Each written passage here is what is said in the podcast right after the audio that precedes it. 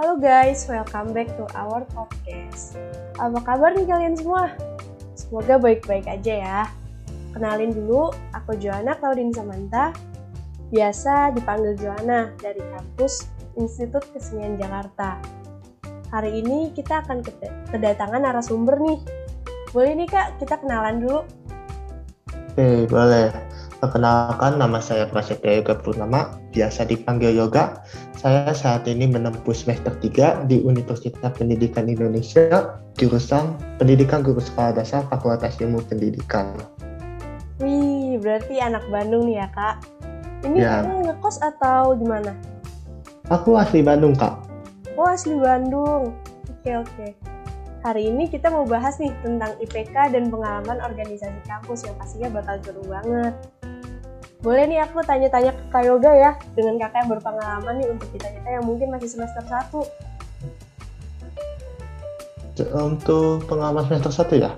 Untuk pengalaman semester 1 ini untuk pengalaman semester 1 ini saya um, beradaptasi dengan lingkungan kampus yang baru banyak banget perbedaan di SMA sama kuliah itu banyak sekali perbedaan. Jadi saya mengalami shock selama satu semester.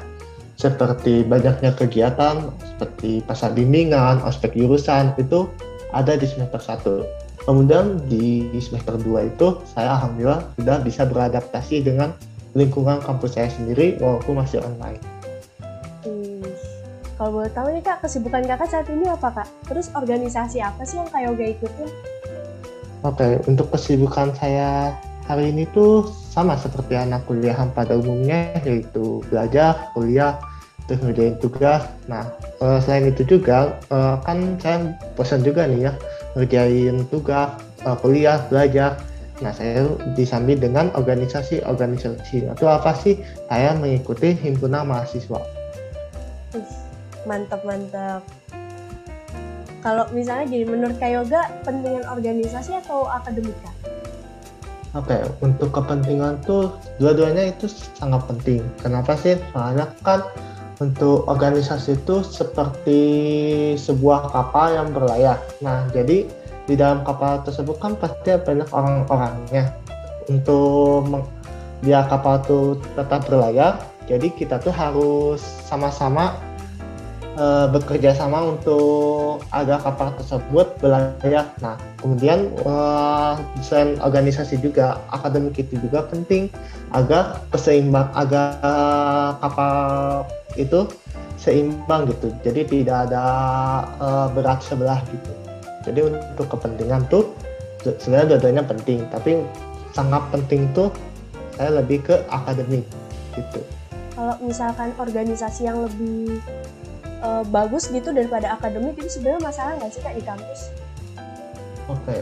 sebenarnya sih eh, nggak uh, masalah, cuma uh, kadang aja pihak kampus tuh ingin kita tuh lebih fokus di akademiknya dibanding di organisasinya. Jadi banyak banget para mahasiswa yang organisasinya tuh uh, sebagai pelariannya dari uh, akademiknya gitu. Setahu saya sih gitu.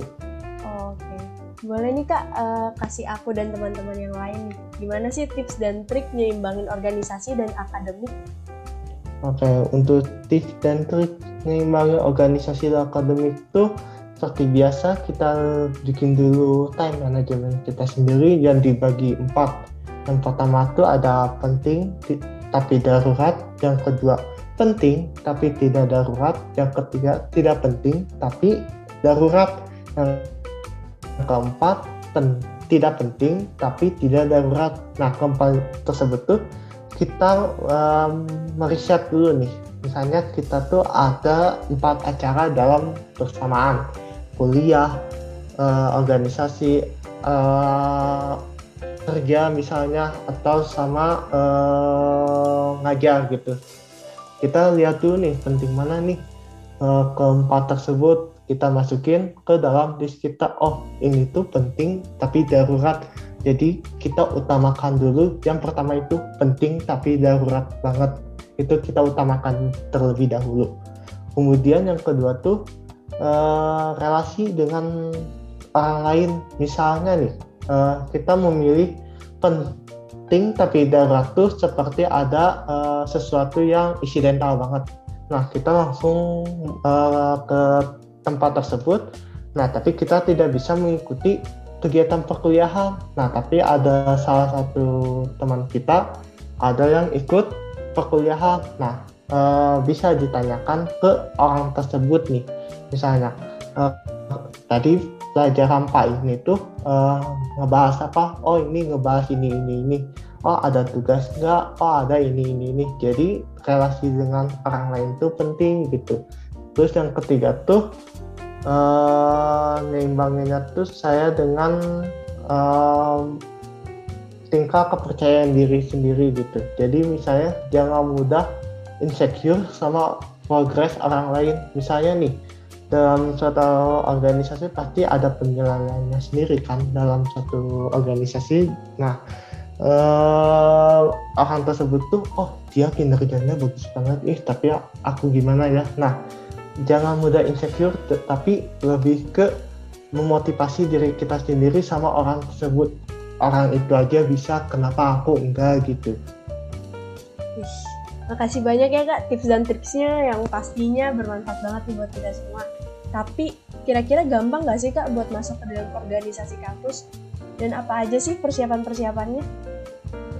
Oke, untuk gampang atau enggak pasti pendaftarnya tuh banyak. Waktu saya daftar himpunan tuh sekitar 85 orang yang mendaftar. Kemudian yang diambilnya tuh 83 83 orang yang diambil menurut saya itu cukup sangat ketat. Uh, jadi yang saya persiapkan itu kenali dulu organisasi tersebut itu dia di bidang ada bidang apa aja sih akan seperti ada bidang agama, bidang sosial, bidang politik, bidang pendidikan, bidang pengembangan sumber daya.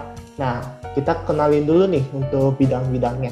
Nah, selain itu juga persiapan juga CP. Nah, CP itu juga kan sangat penting untuk kita mendaftar ke organisasi. Jadi skill kita tuh dilihat nih sama para pimpinannya. Nah, selain itu juga lebih ke akademik juga kadang diperlihatkan seperti kamu tuh bisa nggak e, menyeimbangkannya gitu antara organisasi sama akademik. Kemudian cari alasan yang pas untuk e, agar bisa keterima di organisasi tersebut dan berusahalah yakinin para pimpinan untuk kita bahwa kita tuh bisa berprogres di organisasi tersebut. Kalau organisasi tuh biasanya berapa uh, bisa ngambil berapa gitu maksimal? Untuk maksimal dari aku ya, kalau dari aku tuh dia akademiknya tidak berat sebelah sama organisasi itu minimal maksimalnya tuh dua dua saja organisasi itu menurut saya itu udah cukup banget soalnya uh, satu organisasi aja uh, kadang acaranya sibuk atau bagaimana gitu. Jadi menurut saya tuh dua organisasi aja tuh udah cukup agar sama si akademik kita tuh seimbang gitu. Tapi ada nggak sih yang kayak ngambil banyak banget organisasinya? Ada salah satunya teman saya pernah ngambil banyak organisasi. Dia tuh agak hektik sendiri gitu. Soalnya banyak banyak banget proker besar di dalam organisasi tersebut akhirnya dia tuh memilih dua organisasi yang menurut dia tuh penting gitu oh oke okay, oke okay. harus siap mental juga ya kak kayaknya iya siap mental juga itu penting banget pernah nggak sih kalau misalkan dihadapi nih sama situasi di mana tuh harus memilih salah satu di antara organisasi atau akademik, terus kita harus pilih yang mana dan alasannya apa? Oke, okay. saya pernah ada di situasi tersebut antara organisasi dengan akademik. Nah, saya bikin time management saya sendiri, seperti yang empat tadi disebut. Nah, saya dilihat dulu kepentingannya tuh sedarurat mana sih akademik sama organisasi Nah, setelah saya riset, uh, ternyata lebih penting akademik. Jadi saya tuh lebih ke akademik dulu sebentar. Nah, jika masih ada waktu misalnya ada rapat nih dari jam 12 siang sampai jam 6 sore, terus jam 2 siang tuh saya ada kuliah. Nah, saya tuh lebih ke fokus dulu kuliah. terus saya tanyakan dulu ke teman saya di organisasi tersebut masih jalan atau tidak enggak rapatnya masih jadi saya ikut masuk ke dalam rapat tersebut dengan izin dulu sama pimpinan di rapat tersebut gitu. Tapi bener gak sih kak ada beberapa orang yang emang ngambilnya tuh lebih ke organisasi daripada akademik? Um, cukup banyak sih yang ambil lebih memilih organisasi karena mungkin nih uh, bosan dengan perkuliahannya. Jadi dia tuh mencari refreshingnya tuh di organisasi tersebut. Tapi eh, nggak uh, lama-lama banget sih paling juga cuma dua minggu abis itu balik lagi gitu ke akademiknya kebetulan kan aku juga pengen banget nih masuk organisasi karena kebetulan aku kan masih semester 1 cuma masih bingung nih mungkin teman-teman yang lain yang masih semester 1 atau yang tahun depan mau kuliah juga masih bingung kak. Kalau boleh tahu nih plus minus jadi anak organisasi itu apa sih kak? Oke, okay. untuk plus dan minusnya, untuk plusnya itu lebih dikenal sama orang lain. Jadi kita tuh uh, di kalangan dosen tuh pasti tahu oh ini tuh si anak uh, himpunan itu. Terus yang kedua tuh menambah relasi sama uh, organisasi di kampus seperti uh, himpunan PGD dengan himpunan PG PAUD. Jadi kita tuh nambah relasi dengan adanya studi banding itu. Jadi kita bisa nambah relasi. Terus untuk minusnya tuh acaranya tuh kadang mepet banget, kemudian kadang nggak ada acara sama sekali. Jadi uh, minusnya tuh lebih ke kebanyakan acara gitu. kalau pernah nggak sih kak kayak ngerasa keberatan ikut banyak kegiatan? Pernah pernah banget. Dan itu ngatasinnya gimana atau misalnya mundur dulu? Oke, untuk banyak kegiatan? Kebetulan waktu itu pada saat liburan semester 3. Jadi saya ikut lumayan banyak kegiatan, ada empat kegiatan kalau tidak salah. Saya tuh agak pusing dengan kegiatan tersebut. Jadi saya atur lagi mana yang lebih kepentingannya. Kemudian ada satu yang nggak penting tapi darurat saya pertahankan. Terus yang tidak penting sama sekali sama tidak darurat saya ikut cuma saya memilih divisi yang tidak terlalu banyak bekerjanya. Jadi hanya sibuk di awal pada saat acara tuh uh, kitanya nyantai. Jadi saya memilih uh, divisi tersebut itu. Wah oke. Okay. agak ribet juga nggak sih kak sebenarnya kalau masuk organisasi gitu Enggak, asalkan kitanya tuh uh, mudah beradaptasi dengan organisasi tersebut dan juga sudah mempelajari organisasi tersebut tuh seperti apa sih gitu. Terus sama orang-orangnya tuh gimana sih gitu. Nah kan katanya yang penting mudah beradaptasi. Kalau misalkan ada nggak sih yang kayak orang tuh introvert gitu? Iya salah satunya saya. Saya termasuk orang introvert di organisasi. Jadi bagi saya tuh saya kenalan dulu dengan satu departemen saya dulu. Jadi saya usahakan untuk kenal dulu nih sama anak departemen saya sendiri. Nah untuk departemen lainnya, terus saya agak kurang af dengan departemen lainnya jadi saya beradaptasi dengan departemen saya sendiri dulu gitu. Nah misalnya udah bisa nih sama anak departemen sendiri coba kenalan sama anak departemen lainnya. Jadi kita saling kenalan terus gitu. Oke, tapi pasti bisa ya kak kalau mau coba bergaul? Ya masih bisa. Kalau dari kakak sendiri punya nggak sih teman yang organisasi jalan tapi akademiknya nggak bagus? Tapi uh, terus pandangan kakak tuh tentang orang itu gimana?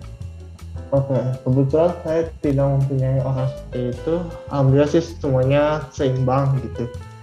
Nah, dari pandangan saya sendiri itu, uh, saya akan mengajak dulu uh, orang tersebut ngobrol secara mata. Kemudian, kenapa sih kamu uh, akademiknya tuh agak kurang gitu? apakah ada masalah kah sama nilai sama dosen atau gimana jadi kita tuh berusaha uh, mengajak dia tuh uh, ngobrol tentang tersebut nah dicari solusinya bareng-bareng sama uh, saya atau sama teman saya gitu. Kemudian untuk organisasi bagusnya itu uh, kinerjanya cukup bagus tapi akademiknya kurang tuh agak berat sebelah gitu menurut saya. Jadi uh, lebih berat ke akademiknya jadi uh, ke nilainya sama nilainya itu jadi ke rendah atau enggak uh, tidak ada mata kuliah yang nggak masuk gitu. Oke oke. Sebelumnya makasih banyak ya kak udah mau kita tanya-tanya, udah bersedia untuk jadi narasumber kita. Oke, sama-sama. Seru banget nih ngobrol kita hari ini banyak uh, dapat pengalaman juga dari Kak Yoga sendiri, dapat tips dan trik yang pastinya bermanfaat buat kita kita semua. Semoga teman-teman di sini juga enjoy ya dengerinnya. Makasih buat teman-teman yang udah dengerin sampai akhir nih. Kira-kira kita ngobrolnya segini dulu kali ya guys. Terima kasih juga buat Kak Yoga yang udah berbagi dan sampai bertemu di podcast selanjutnya teman-teman.